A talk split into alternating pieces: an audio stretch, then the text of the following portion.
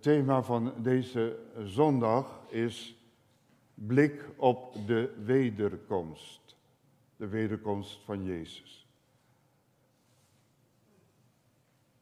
Het is onze opdracht, dat weten we allemaal en zeker in de laatste uh, paar jaar zeker wel, is er veel over gesproken. Het evangelie brengen in de hele wereld, dat is onze opdracht. Wie u ook maar bent vandaag, jong of oud of met weinig bekwaamheid naar uw eigen denken, maar u bent u Gods kind. En hij heeft ons gezegd tegen de discipelen, voordat hij ten hemel voor u zult met kracht aangedaan worden. De discipelen maakten zich druk om uh, het koninkrijk in Israël, dus de aardse dingen. Maar Jezus zei, het komt u niet toe te weten de tijden en de gelegenheden die God in zijn eigen handen heeft gehouden. Dus met andere woorden, daar moet je je niet druk om maken wat er in u en om je heen gebeurt. Niet druk maken. Want dat is de misleiding en de verleiding van de boze. Afleiden van het doel waar we naartoe gaan. En dat is zijn wederkomst. En dat is ook wat ik vanzelf van God heb gekregen. Dat er balans moet zijn in de preken. En voor zover ik de gelegenheid heb, wil ik dat ook doen. Nogmaals, evangeliseren is heel belangrijk. In uw eigen omgeving, aan uw buren. Ieder doet het op zijn eigen manier als u het maar doet. Want dat is uw opdracht. Van God gekregen, van Jezus gekregen. Maar leef daarnaast ook, en dat is niet minder belangrijk, in de verwachting elke dag van Jezus' wederkomst. Waar staat dat feit in uw leven?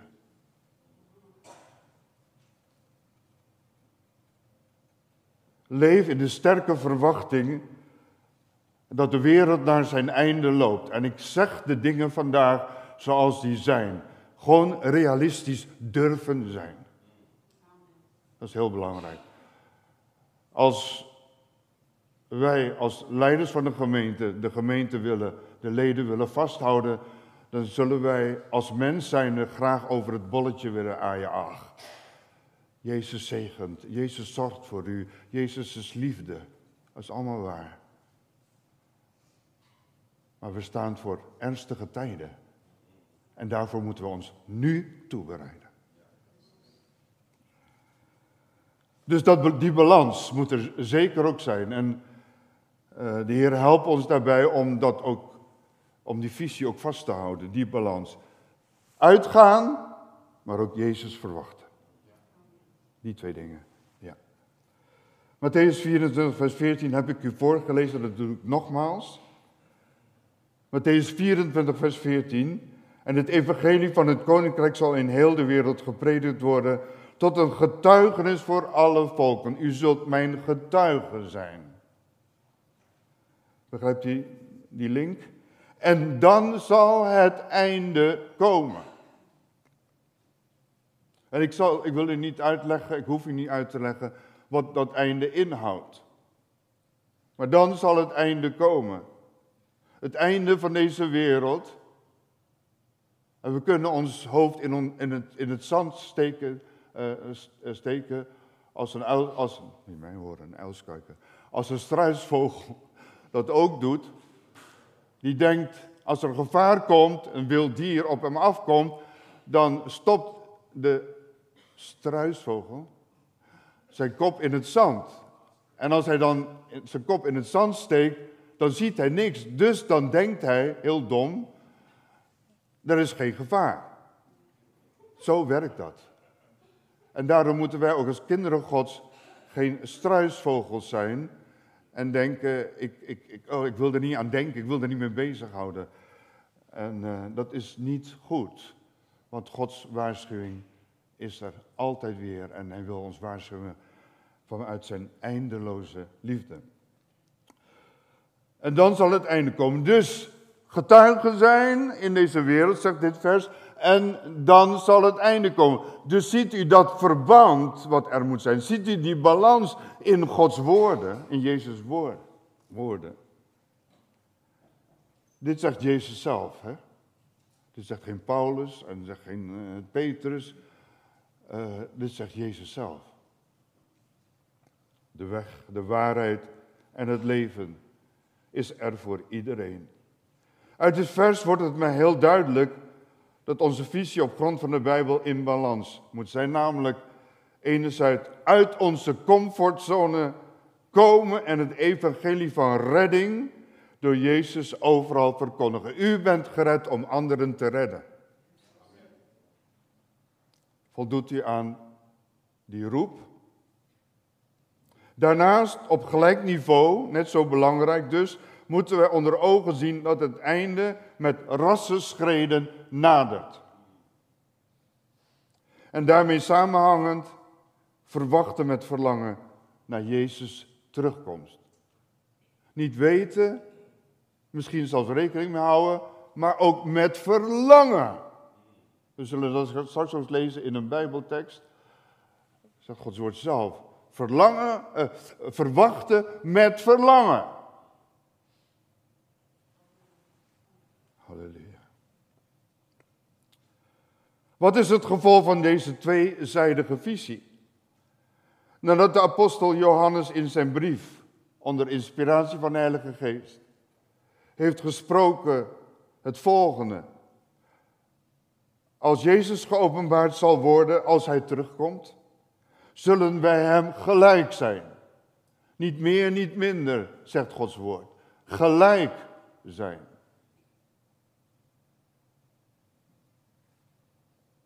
Want we zullen hem zien zoals hij is.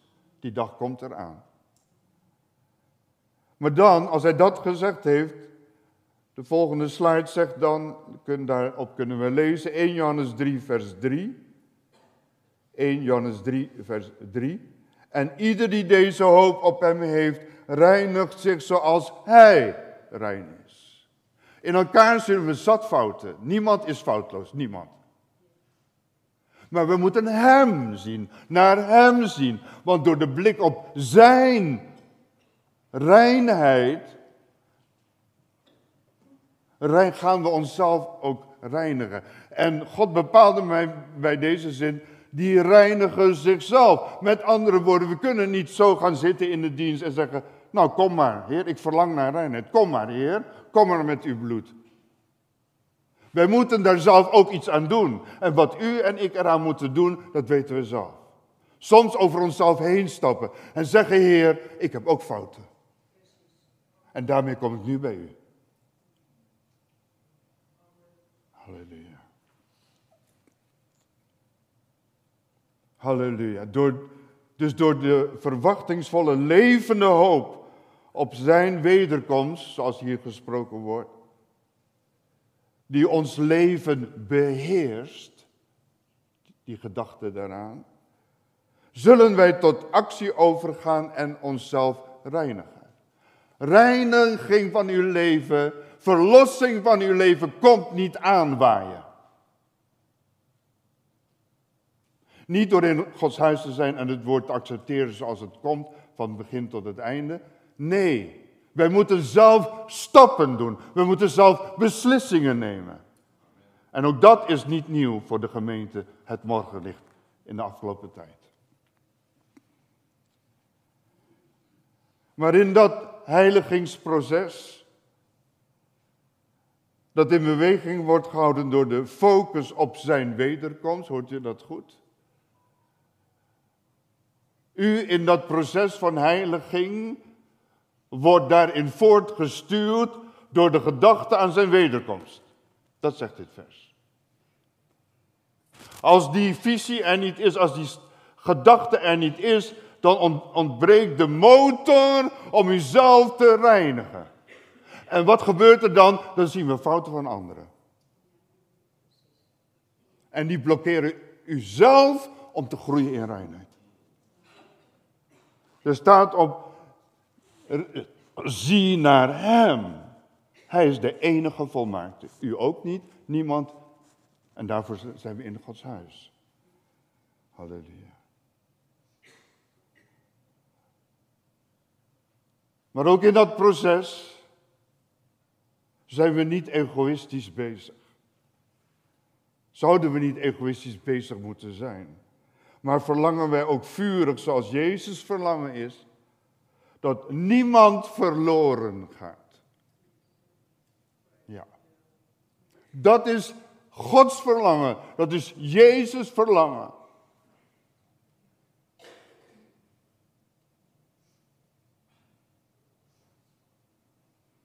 Halleluja.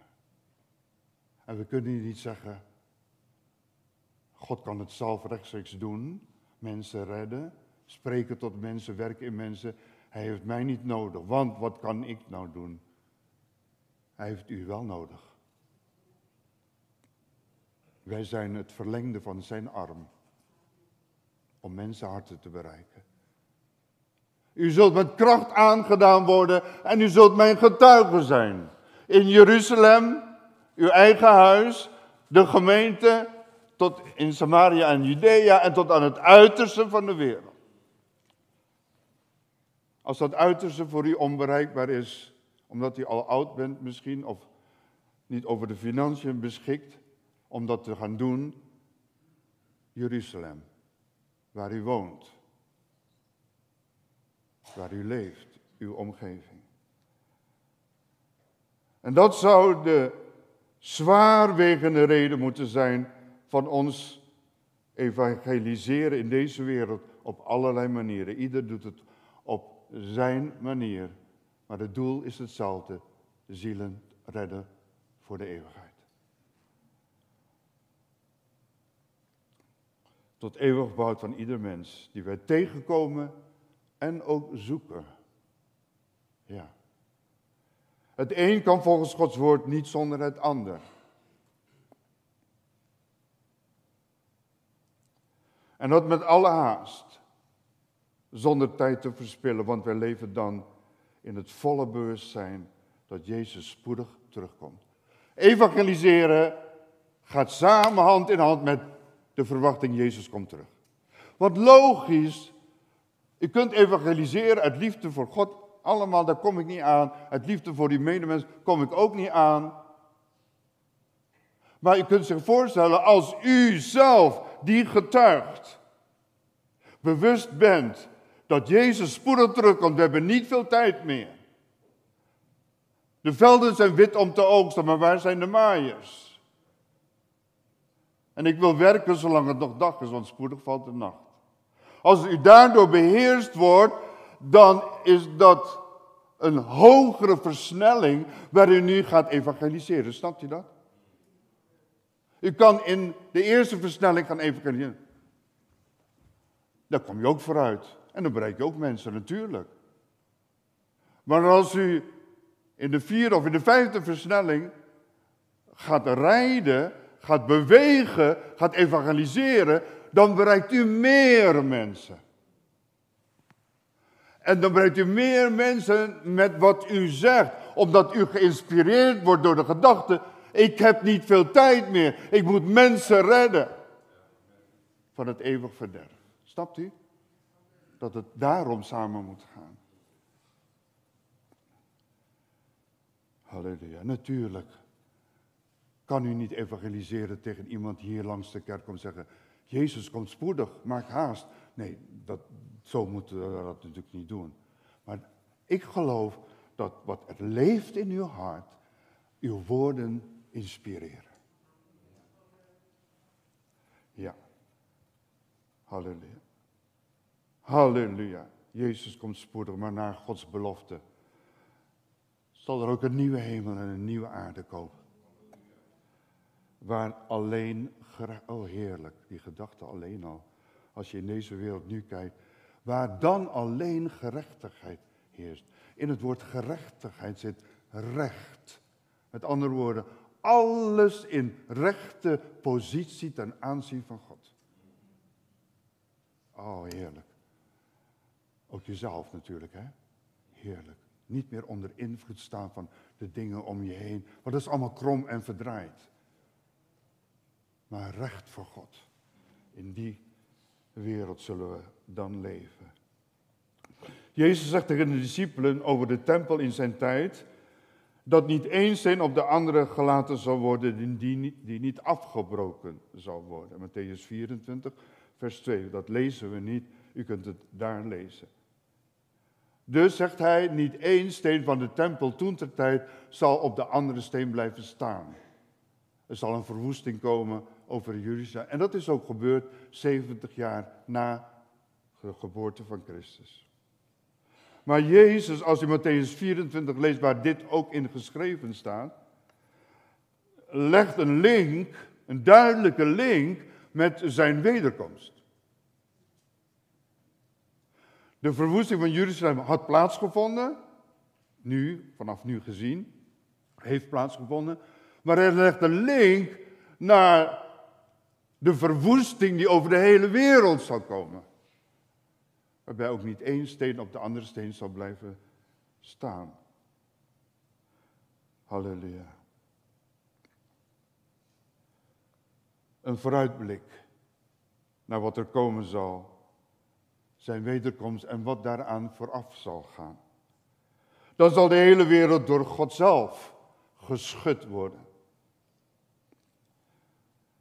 Halleluja. Daarom is het zo belangrijk, lieve, lieve mensen. En dat zeg ik met alle liefde in mijn hart. Laat staan hoe groot Gods liefde is die hier doorheen spreekt tot u. Waar bent u mee bezig? Wat bent u aan het opbouwen? Laat het toch zijn, en dat is uw eigen verantwoordelijkheid. Ik kan het alleen maar u leren, onderwijzen daarin, de richting wijzen. Bouw uw huis op de rots. En die rots alleen is onwankelbaar, wat er ook komt. Al komen de golven tegen die rots, ze slaan tegen die rots. Ze slaan ook zelfs tegen uw huis. De slagregels, kent u dat verhaal? Tegen uw huis. Maar het huis, omdat het gebouwd is op de rots, zal blijven staan. Onbewogen. Daar moeten wij mee bezig zijn. Niet met alle bewegelijke dingen om ons heen.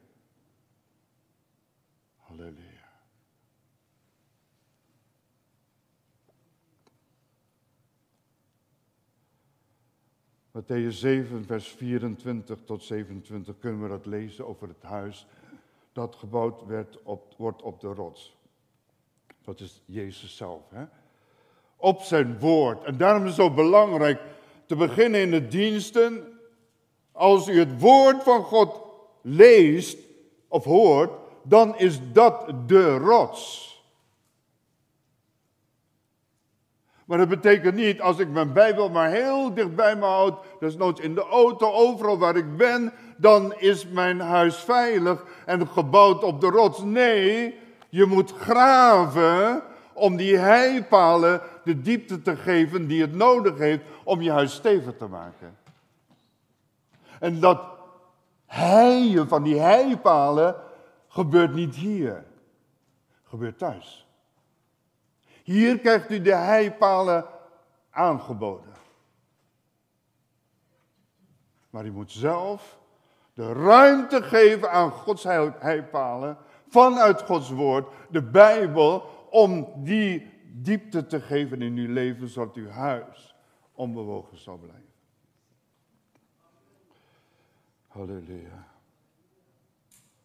Onze roep moet nu zijn tot God. Zet mijn huis vast op de rots. Zet mijn geest hier, waar gedachten ons vaak parten spelen. En waar gedachten onze uitspraken beheersen. Waar gedachten uh, onze gevoelens beheersen. Zet mijn geest, mijn gedachtenwereld op die rotsteen. Van de waarheid. Zet mijn wegen vast op die rotsteen. God geeft mij geestelijke stabiliteit. En die stabiliteit wordt getest. En mogen u dat allemaal zelf ontdekken. Als er dingen tegen ons huis aangegooid worden, soms ook wel, door andere mensen, maakt niet uit, het hoort er allemaal bij, doorgaan. Of gebeurtenissen. Blijft u dan stabiel? Blijft u dan stabiel van Jezus houden? Blijft u dan stabiel om Hem te aanbidden? Blijft u dan stabiel om naar Gods huis te gaan met verlangen, met lust om Hem te ontmoeten? Dat is stabiel zijn. Ik wil Hem ontmoeten, maakt niet uit wie er nog meer is en wat er gebeurt. Ik wil Hem ontmoeten.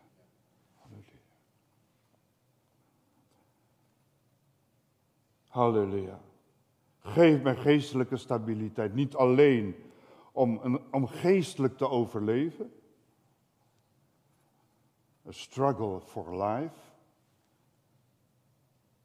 Maar meer ook om het verschil te maken in een steeds donkerder en onbestuurbaarder wordende wereld om ons heen.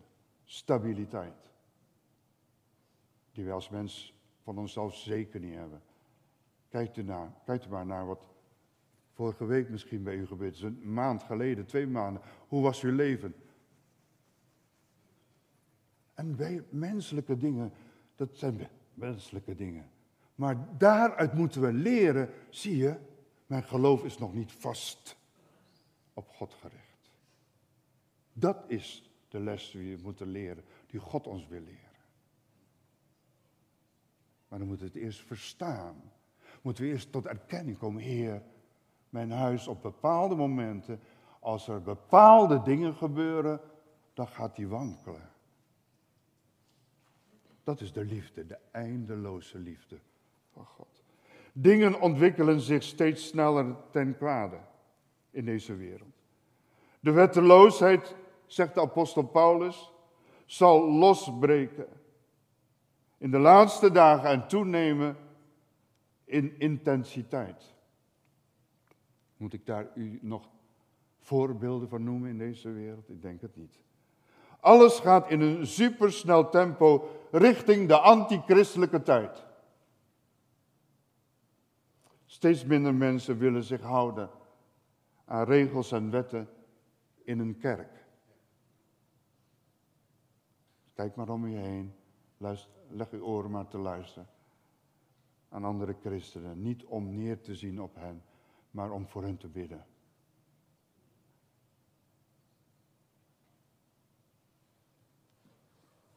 Ook kinderen van God willen zich daar steeds meer aan onttrekken.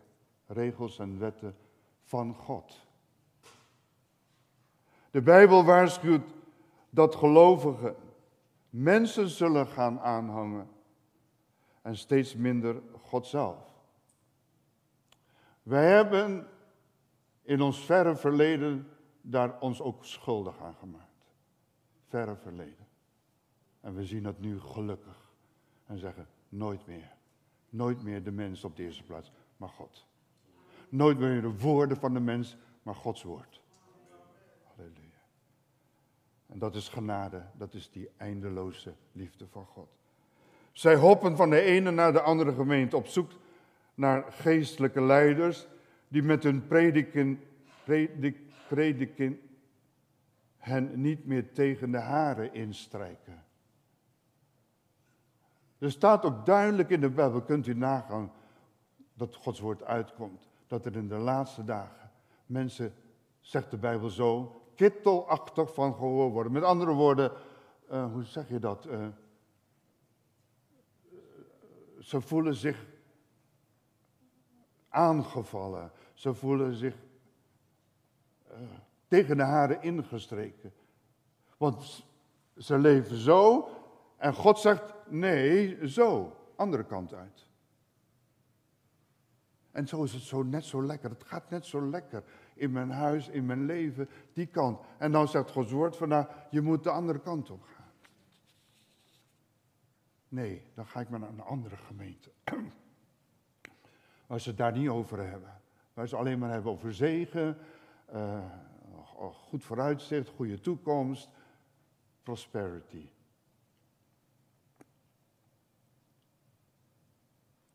Lieve mensen, in deze gemeente, dat is niet de visie van onze gemeente.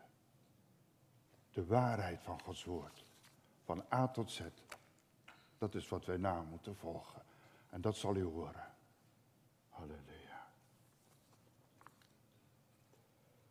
Een evangelie dat niet meer spreekt over de geest en niet meer over de strijd. Sorry, een evangelie dat alleen spreekt over de geest en niet meer over de strijd tegen het vlees. Een evangelie dat niet meer spreekt over zonde, maar alleen over genade. Dat is wat men christenen zoekt in deze dagen. Ieder zijn eigen verantwoordelijkheid. Maar laat ons bidden als we die mensen tegenkomen met alle, alle medelijden. Maar het ware woord van God is zoet in de mond. Lees openbaringen waarin Johannes het boek moest eten. Het ware woord van God is zoet in de mond. Het smaakt zoet als je ervan eet. Het woord van God, de preek. Maar bitter in de buik als je het verwerkt in je persoonlijk leven van elke dag. Dan kom je jezelf tegen. En dan zeg je, ja eigenlijk, nee, wil ik niet. Nee, dat is te moeilijk. Nee, dat kan ik niet. Ziet u, die strijd. Die bittere smaak in je buik, maar die brengt wel genezing. Net zoals medicijnen. Smaken niet altijd even fijn. Drankjes smaken niet altijd even fijn. Maar omdat je weet, dat is voor mijn gezondheid, doe je het toch. Wat heeft u voor ogen voor uw leven als het gaat om God? De zonde mag niet verborgen blijven. Over de zonde moet niet geaaid worden. Maar het goddelijk mes van Gods woord moet worden toegelaten. Wil men komen tot een gezonde, groeiende relatie met God. En daar gaat het om. Heer, help ons als leiders, en ik vraag u gebed daarvoor. Help ons bij de uitvoering van Gods woord in de gemeente.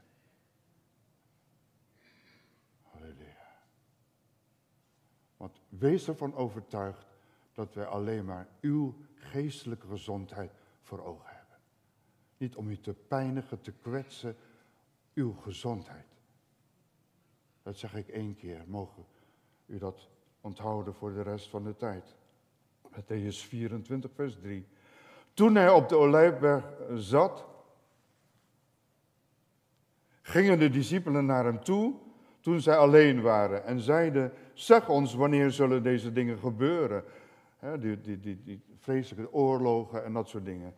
Daar had Jezus voor, in de teksten daarvoor over gesproken. Wanneer zullen deze dingen gebeuren? En wat is het teken van uw komst en van de voleinding van de wereld? En als ik dit zeg, dan komt die bevestiging in mijn hart. Er komt een voleinding van deze wereld. Hoe we het ook wenden willen draaien en wat we ook met ons leven willen doen en onze hoofd willen omdraaien, de andere kant uit en het niet willen horen, daar verandert u niks aan, aan het plan van God. Halleluja. Er komt. Maar zoals ergens ook dacht ik in de evangelie, lieve mensen, waar is onze blik op gericht? Als deze dingen gebeuren, staat er, meen ik ergens, als er deze dingen, weet dan één ding, uw verlossing is nabij. Waar zijn we mee bezig? Dat we dat niet zien. Geeft niet, daarvoor bent u hier vandaag, om het te horen. Gelovigen kunnen zo discussiëren over de details van de dingen die staan te gebeuren. En over de chronologische volgorde van alle uh, dingen die worden genoemd ook in openbaringen. kunnen mensen, christenen, christenleiders zich zo druk om maken. En als de een niet eens is met hoe jij denkt dat het zal gaan, dan lig je eruit. Ik heb dat in het verleden ook meegemaakt. Maar weet u, ik heb nooit mij daar druk om gemaakt. Ik geloof in Gods woord. Ik geloof dat wat er staat te gebeuren volgens woord, ik geloof dat het ook gaat gebeuren. Dat is een waarheid. Halleluja. Maar voor mij persoonlijk is het belangrijk te weten, altijd belangrijk geweest, dat er grote dingen staan te gebeuren. Prachtige, geweldige dingen. God zal zichzelf openbaren op een geweldige manier als nooit tevoren. Ook verschrikkelijke dingen, tuurlijk. Die dingen staan te gebeuren. In welke volgorde en of ik dat alles wel of niet zal meemaken, dat laat ik aan God over. Want mijn tijden zijn in Gods hand. Maar ik zelf geef mij over aan God. En steeds meer, want ik ben er nog niet. En wil zorgen dat ik geleid word door Gods geest en een wandel heb in de geest. Meer heb je niet nodig om het maar zo te zeggen. Als Gods geest bij je is, in je is en je wordt daardoor geleid en je leeft in de geest, dan zal de geest je leiden. Op die manier zal ik Jezus eens ontmoeten. Dat is het ultieme doel van mijn leven. Voor hen die denken dat zij de zware tijden voor Jezus' wederkomst niet zullen meemaken, maar daarvoor al weggenomen zullen worden door God, wil ik uit de droom helpen aan de hand van het woord van God. Opdat ook zij wakende en biddende zullen gaan worden. Naast de bekende tekenen van de tijd, die genoemd worden in Matthäus 24, vers 4 tot 8, lees u dat zelf maar. Dan lezen wij vervolgens in vers 9 tot 13 van Matthäus 24, en ik zal het voorlezen. Matthäus 24, vers 9 tot 13. Dan zullen zij u overleveren aan verdrukking en u doden.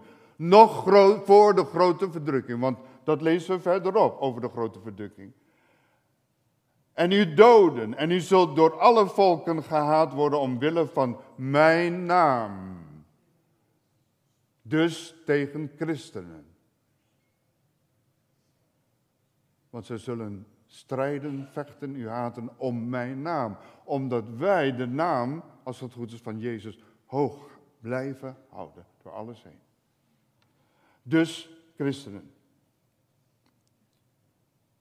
En dan zullen er velen struikelen en zij zullen elkaar overleveren en elkaar haten.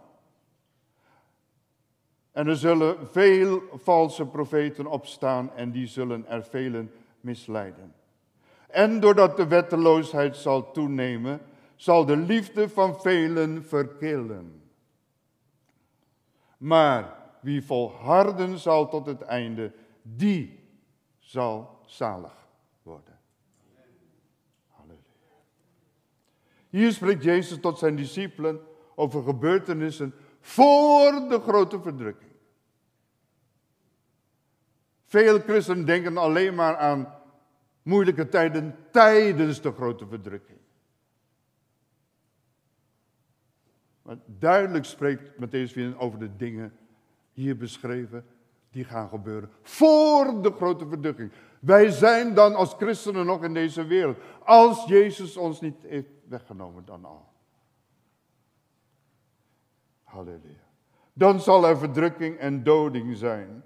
We hebben het gelezen. Haat tegen hun omwille van zijn naam.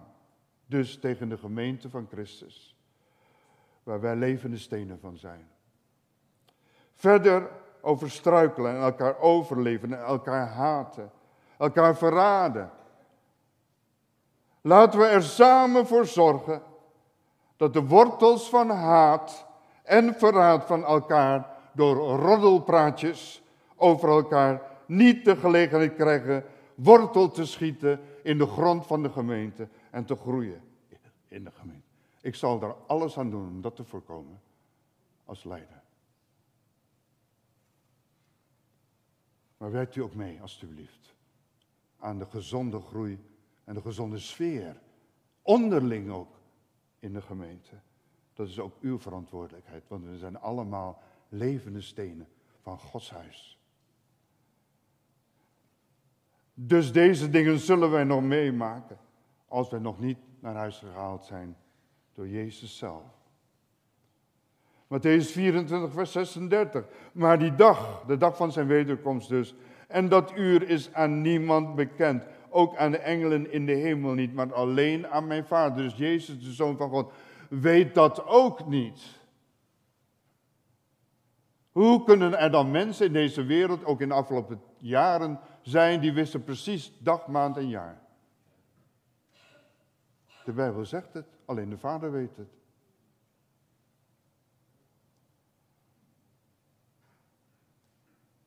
Zelfs Jezus weet dat niet. Maar vervolgens spreekt hij over, ook over de tijdsgeest. En het verdorven leven op deze aarde. In hetzelfde hoofdstuk, 24, Matthäus 24. Het leven, het verdorven leven op deze aarde, dat aan zijn wederkomst vooraf zal gaan. En dan haalt hij de tijd van Noach aan. Matthäus 24, vers 37 tot 39.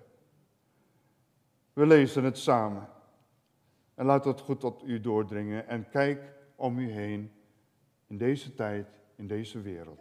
Zoals de dagen van Noach waren, zo zal ook de komst van de zoon des mensen zijn. Want zoals ze bezig waren in de dagen voor de zondvloed, met eten, drinken, trouwen en ten huwelijk geven, tot aan de dag waarop Noach de ark binnenging, dus tot aan dat laatste moment met andere dingen bezig zijn die niet belangrijk zijn. Laat me even een misverstand voorkomen. Ik hou ook van restaurantjes, ik hou ook van uit eten. Dat wil dus niet vanaf vandaag zeggen, dan mag je nooit meer uit eten gaan. Maar dat moet je leven niet beheersen. Hem verwachten. Ja, dat wordt bedoeld. En het niet merkten, dat is ook een, een, een scherp woord. Ze merkten het niet, niet totdat de zondvloed kwam en hen allen wegnam. Zo zal ook de komst van de zoon des mensen zijn. Jezus komt spoedig. Het gaat hier niet om, ik zeg het nogmaals, dat eten en drinken en bezighouden met het huwelijksleven werd afgekeurd. afgekeurd.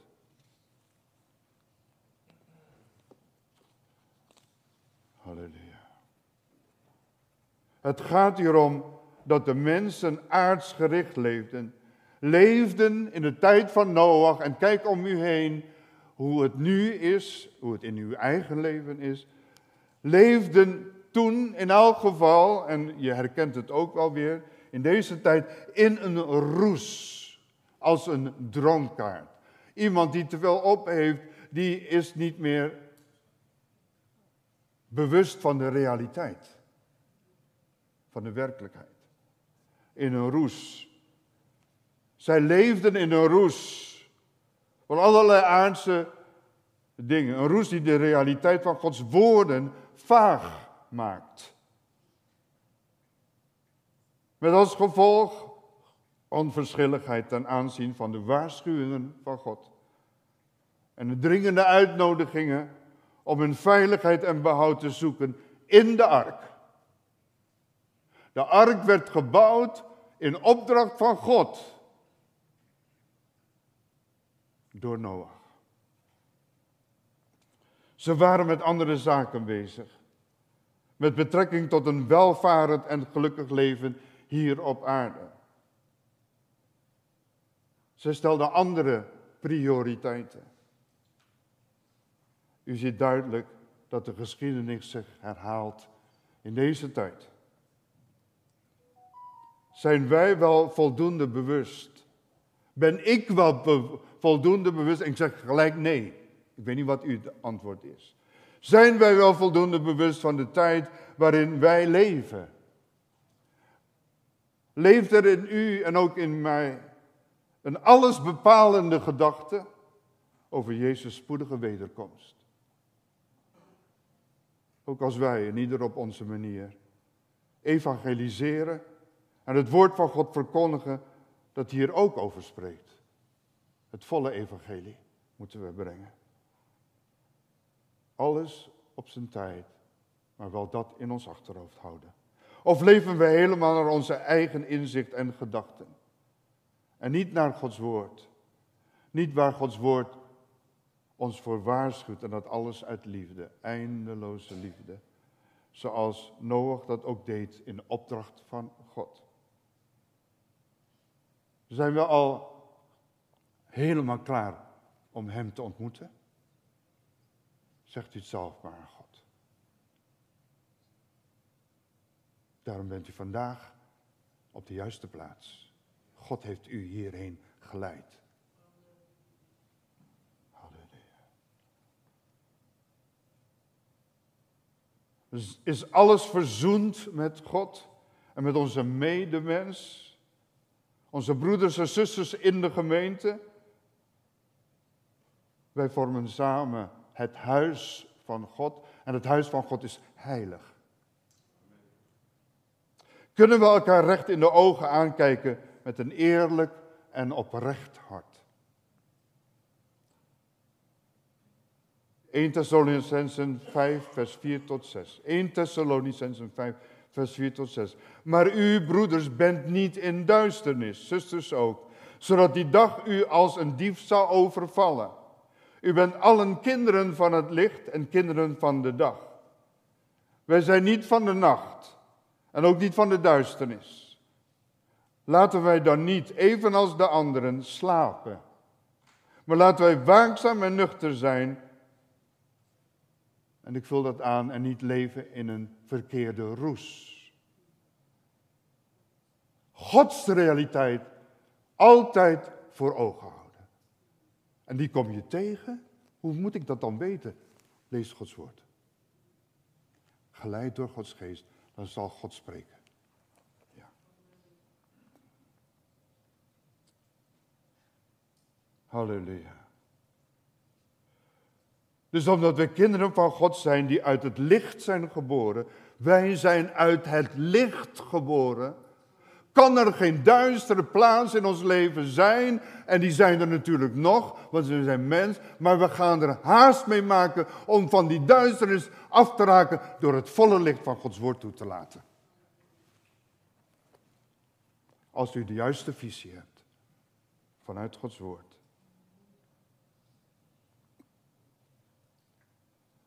Dan zouden we heel bewust moeten zijn van het seizoen waarin wij nu leven ons moeten verzetten tegen alles wat onze blik op zijn wederkomst wazig heeft gemaakt en misschien nog wel maakt en verduistert. Er zullen redenen zijn en het is heel belangrijk, terwijl u naar dit woord van God luistert. Wat is de reden van mij waardoor ik niet bezig ben met de wederkomst van de? Terwijl ik zeg, oh, ik hou van Jezus. Als we van hem houden en we weten hij komt spoedig, dan ziet hij daarnaar uit. Jezus, ik zal hem zien, die mijn leven gered heeft, die zijn leven heeft gegeven met zijn bloed om mij te redden voor eeuwigheid. Dan wil je hem zien, dan wil je niet je moeder, je vader als eerste zien. Als dat is, dan moet je afvragen, heb ik de juiste visie op de hemel? Ben ik echt dankbaar voor wat ik nu mag zijn door die Christus? Want dat komt niet door je moeder, niet door je vader, niet je broer of je zus die daar nu al is. Maar dat komt Jezus zelf. Ik wil Jezus zien. Halleluja. Halleluja. Als de dingen van God vervagen, worden wereldse zaken belangrijker en komen meer op de voorgrond. Er zal een moment zijn in de hemel, lieve mensen, God houdt van u. En daarom deze woorden. Dat God de Vader tegen zijn zoon zegt, in de hemel, zoon, Nu is het moment. Ga en haal jouw kerk op van de aarde. Engel Gabriel blaast de bazuin, de laatste bazuin. Blaas op de trompet. En God zelf zal roepen vanuit de hemel met een grote stem. Dit is de grote dag waar ik zo lang al op heb gewacht. God. De zielen van de gestorven gelovigen die voorheen naar de hemel zijn gegaan, even een, een doorkijk. De zielen van de mensen, die mensen, zullen naar de graven gaan, waaruit de gestorvenen in een nieuw lichaam zullen opstaan. Dat is de dag van de Heer. En de richting de hemel gaan en onderweg zullen allen die nog dan in leven zijn, alle kinderen God, zullen zich voegen onderweg. Want we gaan, de rapture, we worden opgenomen en we ontmoeten elkaar. Die voorheen zijn gestorven, in een nieuw lichaam zullen opstaan en wij bij elkaar voegen. En we zullen de hemelpoorten ingaan. Dat is onze toekomst. Hoopvolle toekomst. Hoopvolle toekomst. Halleluja. Die dag zal komen volgens het vaststaand programma.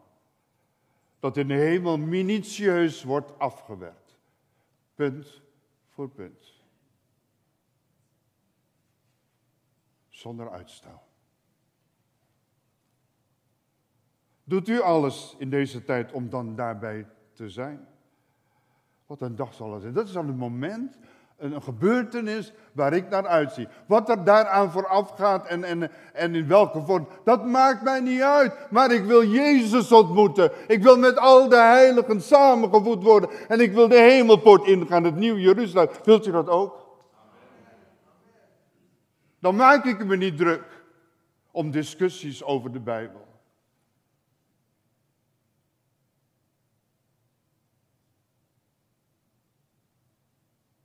En als ik ergens verkeerd in, uh, iets verkeerd bekijk, dat kan ook natuurlijk, ik ben niet volmaakt. Maar ik weet één ding zeker. Als ik Gods woord bestudeer, met de Heilige Geest aan mijn zijde, dan zal de Geest mij leiden in al de waarheid. Dat betekent niet dat ik me afsluit van de meningen van anderen. Nee, want dat is ook een, misschien eigen wijsheid misschien. Nee, zeker niet. Ik wil horen. Maar ik blijf dicht bij het woord. En als het niet past bij het woord van God, zeg ik sorry. Ik respecteer u, maar ik ga verder volgens de route die Gods woord met ze uh, schrijft. Laat ons dan de tijd uitkopen en aangrijpen die God, de tijd aangrijpen, die God ons nu nog geeft. Veranderen van inzicht op Gods plan voordat het te laat is om te veranderen. Veranderen van heerlijkheid tot heerlijkheid. Noach wandelde met God. Noach wandelde met God. Daarom kon God hem op een dringende wijze duidelijk maken dat hij een einde aan het leven op de aarde zou maken van toen. Omdat God het volgende zag op de aarde. Wat was er in het hart van God. Wat zag hij op deze wereld ten tijde van Noach? Genesis 6, vers 5, vervolgens vers 12. En de Heere zag dat de slechtheid van de mens op de aarde, nota bene zijn schepping, groot was. En dat al de gedachten, spinsels van zijn hart, elke dag alleen maar slecht was. Genesis 6, vers 12. Toen zag God de aarde en zie, zij was verdorven. Want alle vlees had een verdorven levenswandel op de aarde. Alle vlees. Hoe is het nu op deze aarde? Wat denkt u zo? Verbeterd ten opzichte van de tijd van Noach? Vult u het zelf maar in. God wist wat het loon van de zonde zou zijn en daarom wilde God een plaats van veiligheid en behoud toebereiden. Voor hen die wilden luisteren naar wat hij tegen hen zei. Wat was die plaats van veiligheid en behoud? Dat was toen de ark.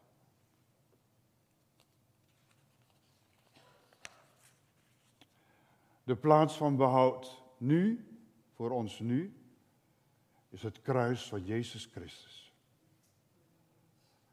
Helemaal omgeven. En ik wil het niet anders zeggen en ik bedoel het ook niet anders. Helemaal omgeven en geborgen door zijn kruis, het bloed van Jezus. Verborgen in het bloed van de Zoon van God, verborgen in de waarheid van Gods belofte. Ik zal u nooit verlaten of in de steek laten. Ik ben niet gekomen om de wereld te oordelen, maar ik ben gekomen zodat de wereld gered zou worden. Als je leven 100% hebt overgegeven aan Christus, als uw Heer en uw Redder, voor altijd, dan ben je ingestapt in de ark van jouw behoud. De toegang tot die ark voor het behoud van je leven, de toegang dus tot het offeren van Christus, is nu nog open. Want soms bevinden wij ons in de ark, gloria halleluja, horen we dan niets anders. Maar soms met één of twee benen uit de ark. Dan maken we even een uitstapje uit de ark. Want buiten is het ook zo mooi nog. Wat? Watervloed. Wat? Ondergang van de wereld. Wat? Het ziet er allemaal zo mooi uit. Het gaat goed met mijn leven. Ik kan me permitteren om even uit de ark te gaan. Ver van het kruis van Jezus. Maar u weet niet wanneer God zelf, zoals bij Noach, de deur van de ark zal sluiten.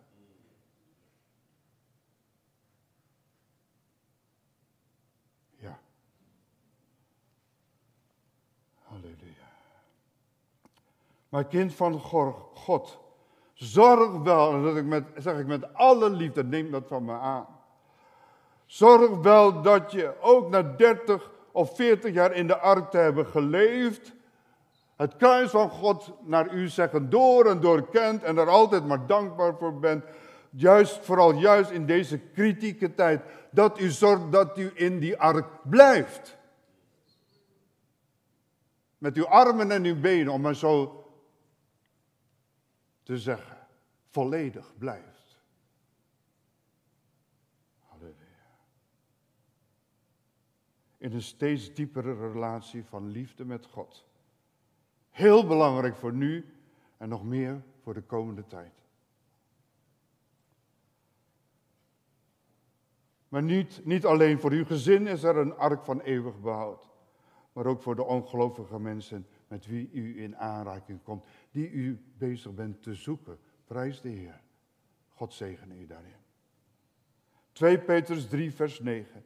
De Heere vertraagt de belofte niet van zijn wederkomst. Dat is zijn belofte. Zoals sommigen dat als traagheid beschouwen. Zie je wel? Ik hoor dat al zo lang. Ik twijfel eraan of die dag nog werkelijk komt en of het aanstaande is. Dat weet ik ook niet. Maar kijk om u heen naar de tekenen van de tijd. En dat zegt ons genoeg. Maar hij heeft geduld. Hoort u dat? Hij heeft geduld met ons. En wil niet dat enigen verloren gaan, maar dat allen tot bekering komen. Dat is, oh dat vind ik zo belangrijk om u te zeggen. En ik voel het. Dat is Gods wil en Gods verlangen. Wat is uw verlangen? Jezus zei in het Gethsemane, niet mijn wil geschieden, maar uw wil geschieden.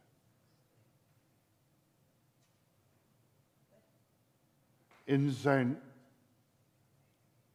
gebed, het Onze Vader, begint hij ook, u wil geschieden in de hemel, alzo op de aarde. Door de planten, de bomen, de vogeltjes? Nee, door u. Zijn kroonschepping. Halleluja. Ik herhaal, zoals God zelf de deur van de ark sloot, leest u het maar goed, God zelf deed, niet Noach deed het, want Noach wist de tijd niet dat Gods genade zou stoppen. Alleen God wist het. En daarom was hij, God alleen gerechtigd om die deur te sluiten. God zelf sloot de deur, zodat niemand meer er binnen kon komen. Niemand en nooit meer. Zo zal God ook spoedig de deur van zijn genade sluiten. Voor altijd. Dat kunnen we ons zo moeilijk realiseren. Omdat ons leven, zoals Paulus het ook zegt, wij leven uit genade. En als je dat realiseert, ben je dankbaar natuurlijk. Maar dan denk je, ja genade, er is altijd wel genade. De Bijbel zegt toch, mijn genade is u genoeg. Maar er zal ook een tijd komen dat hij sluit. De deur van zijn genade. Halleluja. God wil niet dat ook maar één mens verloren gaat en voor altijd moet leven in een plaats, de hel. Ik zeg het duidelijk, de hel, want dat moet je ook weten. Dat is het volle evangelie. Een plaats waar God niet is en nooit zal komen. Stelt u zich dat eens voor ook moeilijk voor te stellen als kinderen Gods. Een plaats waar God niet is, wat dan wel, vult dit maar zelf in. Wat dan wel? En hoe zullen wij dat doorbrengen? Je ergste vijand wens je die plaats niet toe om te leven. Waar vuur is, en dat is maar een onderdeel. Waar vuur is en nooit zal verteren. Je ergste vijand wens je die plaats niet toe om te leven. Halleluja. Eeuwige pijn. Ik heb eens ergens gelezen dat we zouden eigenlijk. Er zou een raam moeten zijn waardoor je de hel zou kunnen zien. Alleen maar zien, dat is al erg genoeg. Zien. Dan zou je dwars door die raam het gekerm horen van de mensen die daarin leven gekerm dat nooit meer ophoudt. Stelt u zich dat voor. Heeft u nu pijn? Last van ziekte? Dan nou, laten we het meer over pijn hebben dan nooit meer ophouden. Wat is eeuwigheid? Dat kunnen we ons ook als mens niet goed voorstellen. Wat is eeuwigheid? Wat is voor altijd? Maar probeert u dat. Als u stil thuis bent, probeert u dat. Halleluja. Denkt u nu, en zegt u misschien tegen mij, u bent me aan het bang maken. Jazeker. U doet er goed aan om te denken dat ik u bang maak. Niet in eigen kracht, dat wil ik niet, maar in gehoorzaamheid aan God. Door de indringende kracht van Gods geest uit het hart van God genomen. Want de, hel de hemel bestaat. Daar geloven we allemaal in. Maar de hel bestaat ook.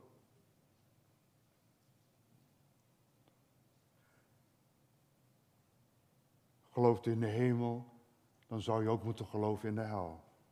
En daarvoor gewaarschuwd moeten zijn. Oud en jong, speel niet met de heiligheid van God, met de heilige God. Speel niet met de heiligheid van God. Met uw God. Waarvan u zegt, van wie u zegt dat, hij, dat u hem zo lief heeft. En wat hij vandaag te zeggen heeft tot u, tot jou, tot mij, allemaal. Want daarvoor zijn we in Gods huis om naar zijn stem te luisteren. Herken zijn stem. Mijn stem, vergeet u maar, zijn stem. En daarom heeft God een ark van eeuwig behoud laten bouwen voor ieder mens, de ark. Halleluja. De redding door Jezus bloed. Halleluja. Er is nog plaats aan de voeten van het kruis. Dank God. Ongeacht afkomst, ongeacht onze voorgeschiedenis. En daar is die balans die er in onze visie moet zijn. Zoek je behoud Oudere generatie in de gemeente, jongere generatie. We zijn het lichaam van Christus samen. Dat die balans in uw visie, in uw gedachten, in uw levenspatroon moet er zijn. Doe de stap, want Jezus komt spoedig. Die dringende boodschap geldt ook voor de wereld om ons heen. Geldt ook voor iedereen die deze preek online bekijkt en beluistert.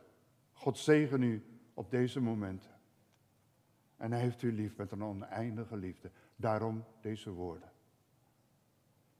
Halleluja. 2 Petrus 3, vers 12 tot 14. U die de komst van de dag van God verwacht en daarna verlangt. De dag waarop de hemelen door vuur aangestoken zullen vergaan en de elementen branden zullen wegsmelten. Vuur, vuur, vuur. En ik wil niet verwijzen naar de bosbranden tegenwoordig, maar allemaal vuur, vuur, vuur. Maar het zal veel groter zijn. Halleluja. Maar wij verwachten, weer verwachten, overeenkomstig zijn belofte, nieuwe hemelen en een nieuwe aarde waar gerechtigheid woont. Daarom, geliefden, terwijl u deze dingen verwacht, beijver u om onbevlekt en smetteloos door Hem bevonden te worden in vrede. Niet dat wij onszelf zo goed moeten gaan vinden en heilig. Door Hem moeten wij smetteloos gevonden moeten worden. Niet door u, niet door de gemeenteleden, niet door de gemeente. Nee, God doorboort de, de, de, de, de maskers van uw leven en hij ziet uw hart en uw dagelijks leven. En daarom zegt deze tekst, wij moeten hem verwachten. Door die verwachting gaan we leven in heiligheid. Gaan we alles doen om alle nonsentiale dingen om ons heen, waar we ons zo druk om maken, om dat af te gooien. En dan gaat hij, kijkt hij terug. Mijn God, waar heb ik mij mee bezig gehouden? En misschien dat het vandaag al gebeurt, dat u voelt, kom dan tot God vandaag. We komen ook tot elkaar als dat nodig mocht zijn. Halleluja. Driemaal wordt hier gesproken over verwachten. En één keer met verlangen. En dat is heel belangrijk. Verwachten met verlangen. Niet verwachten met vrees. Dat is helemaal Gods bedoeling niet. Want hij zegt, ik zal u nooit alleen laten. En waar liefde is, is er geen vrees. Maar het is wel een, een aanleiding voor wat we, van wat we hebben gehoord. Een aanleiding om God onszelf te onderzoeken. Waar ben ik mee bezig? En uit te zien naar zijn wederkomst. En het verlangen versterkt te krijgen. Ik wil iedereen meenemen om me heen. Mensen die nog niet geloven, die moeten het ook weten. Ik weet het, maar zij weten het niet. Kunnen we dan stil blijven zitten? Heilige Geest, zet ons in vuur en vlam. Zet ons in actie motoriseert u ons leven richting deze wereld. Oh Jezus, wij moeten uit onze comfortzone stappen. Echt waar, en ik blijf erbij voor wat mezelf betreft in elk geval. Ziet u hoe nodig het is om een duidelijke visie te hebben op de eindtijd. En alles wat daarmee samenhangt. De visie bepaalt in hoge mate hoe wij ons beijveren, hoe wij alles inzetten dus om te leven dicht bij het woord van God en zijn uitspraken. Halleluja, hoe wij leven met God in deze tijd. En in hoeverre wij haast maken en groeien in Hem. De oordelen Gods komen eraan. Dit is ook het evangelie, dit is ook het woord van God. Zo waarschuwt God ons, het, het woord van God ons. Het gewicht, luistert u goed. Het gewicht van de zonde wordt onverdraaglijk voor God. Het gewicht van de zonde in deze wereld wordt onverdraaglijk voor God. In zijn heiligheid en zijn reinheid. Er zijn lijnen van God die wij niet kunnen negeren en oversteken. Ook in de gemeente. Want wij zijn Gods gemeente. En ik ben daar als eerste verantwoordelijk voor. Ik weet het. Maar je moet wel moed hebben als leider om met de waarheid van Gods woord te komen. Begrijpt u dat? Ik zeg het zomaar en u denkt, nou dat zegt hij zomaar. Maar ik heb gevraagd aan God, geef mij moed. Want ieders hart is anders. En ieder reageert misschien anders, ik hoop het niet. Je hebt moed nodig. God in zijn heiligheid zal dat niet toelaten. Wij staan al dicht bij de uiterste lijn van Gods verdraagzaamheid over de zonde. Ook als hij de gemeente bekijkt, u persoonlijk. Hij gaat met zijn woord langs uw leven. Hoe is het met u? Hoe denkt hij over u, denkt u? Niet hoe denkt u over uzelf, hoe denkt God over u?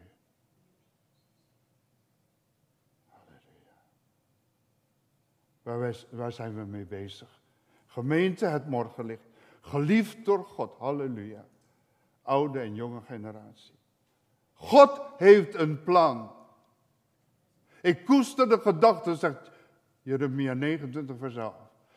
Ik koester de gedachten die ik over u heb. Maar ik heb u een hoopvolle toekomst gegeven. Ik richt me naar boven. Ik richt me op Gods woord. Leef in de ark van het verbond. Het verbond dat God met ons allen, met ons als, als mensen heeft gesloten. Door zijn zoon te laten gaan naar ons allen en voor ons allen. Om te sterven aan het kruis. Een dood die past bij grote misdadigers. En Jezus was de onschuld zelf, zonderloos lam van God. Halleluja. Om ons zodoende te verzoenen met God. Verzoening. Lieve mensen, als ik nooit meer de gelegenheid zal hebben misschien, dan zeg ik het daarom nu. Verzoen u met God. Tot in de details van je leven.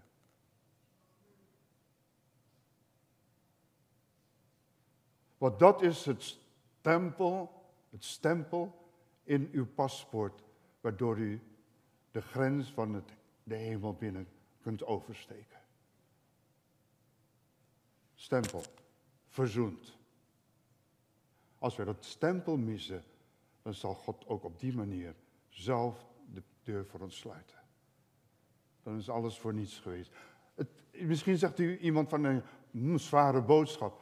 Zware boodschap, maar het is de realiteit van Gods woord. En ik voel me er absoluut niet lekker bij als ik u dat onthoudt.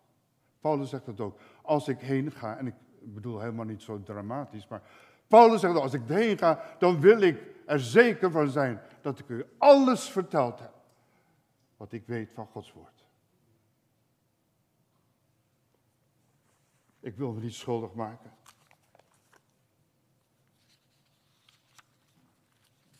Aan het feit, misschien het komt dat u de deur gesloten gaat vinden. Lieve mensen, stap daarom nu in de ark. En ik bid de Heer dat Gods geest zal komen in ons midden. En ons samen zal binden als gemeente. En dat wij zeggen, en nu gaan we allemaal samen. Kom zuster, kom broeder. Ik vind je soms vervelend en je doet soms vervelend. Maar kom zuster, kom broeder. Wij gaan in de ark. Want niemand is volmaakt. En iedereen die niet volmaakt is, voor die is nodig om in de ark te gaan. God biedt ons een plaats aan. Gaan we dat aanbod voorbij? Weet u zeker dat alles in uw leven, in jouw leven, jonge persoon, verzoend is met God en met je medemens? Ben je helemaal 100% ingestapt in de ark van het verbond en leef je nog steeds daarin. Maakt jouw leven in deze wereld verschil uit. Zien jouw vrienden en vriendinnen, je kennen ze het verschil in je levensstijl. Daarvoor zijn we kinderen van God om het verschil in deze wereld uit te maken. Halleluja. Leef je in de waterdichte ark van God. Weet je zeker dat je oordeelsvrij bent. Dat de oordeelswateren je niet kunnen bereiken. Bent u, oudere generatie, echt vrij door het bloed van het lam? Leef steeds meer voor God en steeds minder voor deze wereld. Want we zijn wel in deze wereld, maar we zijn niet van deze wereld. Vandaag staat de deur van de ark voor u, voor jou, gelukkig ook voor mij, nog open. En ik wil, misschien vindt het dat vreemd, ik wil een, een vernieuwd instappen in de ark.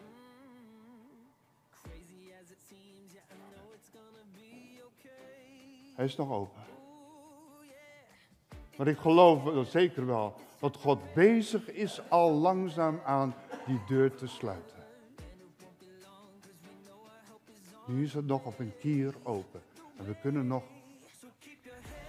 binnen glippen, om het zo maar te zeggen. Stel niet uit wat je vandaag kan doen. Maak alles in orde. Dat is de betekenis van in de ark zijn van Baal. Halleluja. Want Jezus komt spoedig. Dan wil je heel graag meenemen voor eeuwig te zijn. Met hem. Wat een dag zal het zijn. We gotta stay awake cause nobody knows the day or time.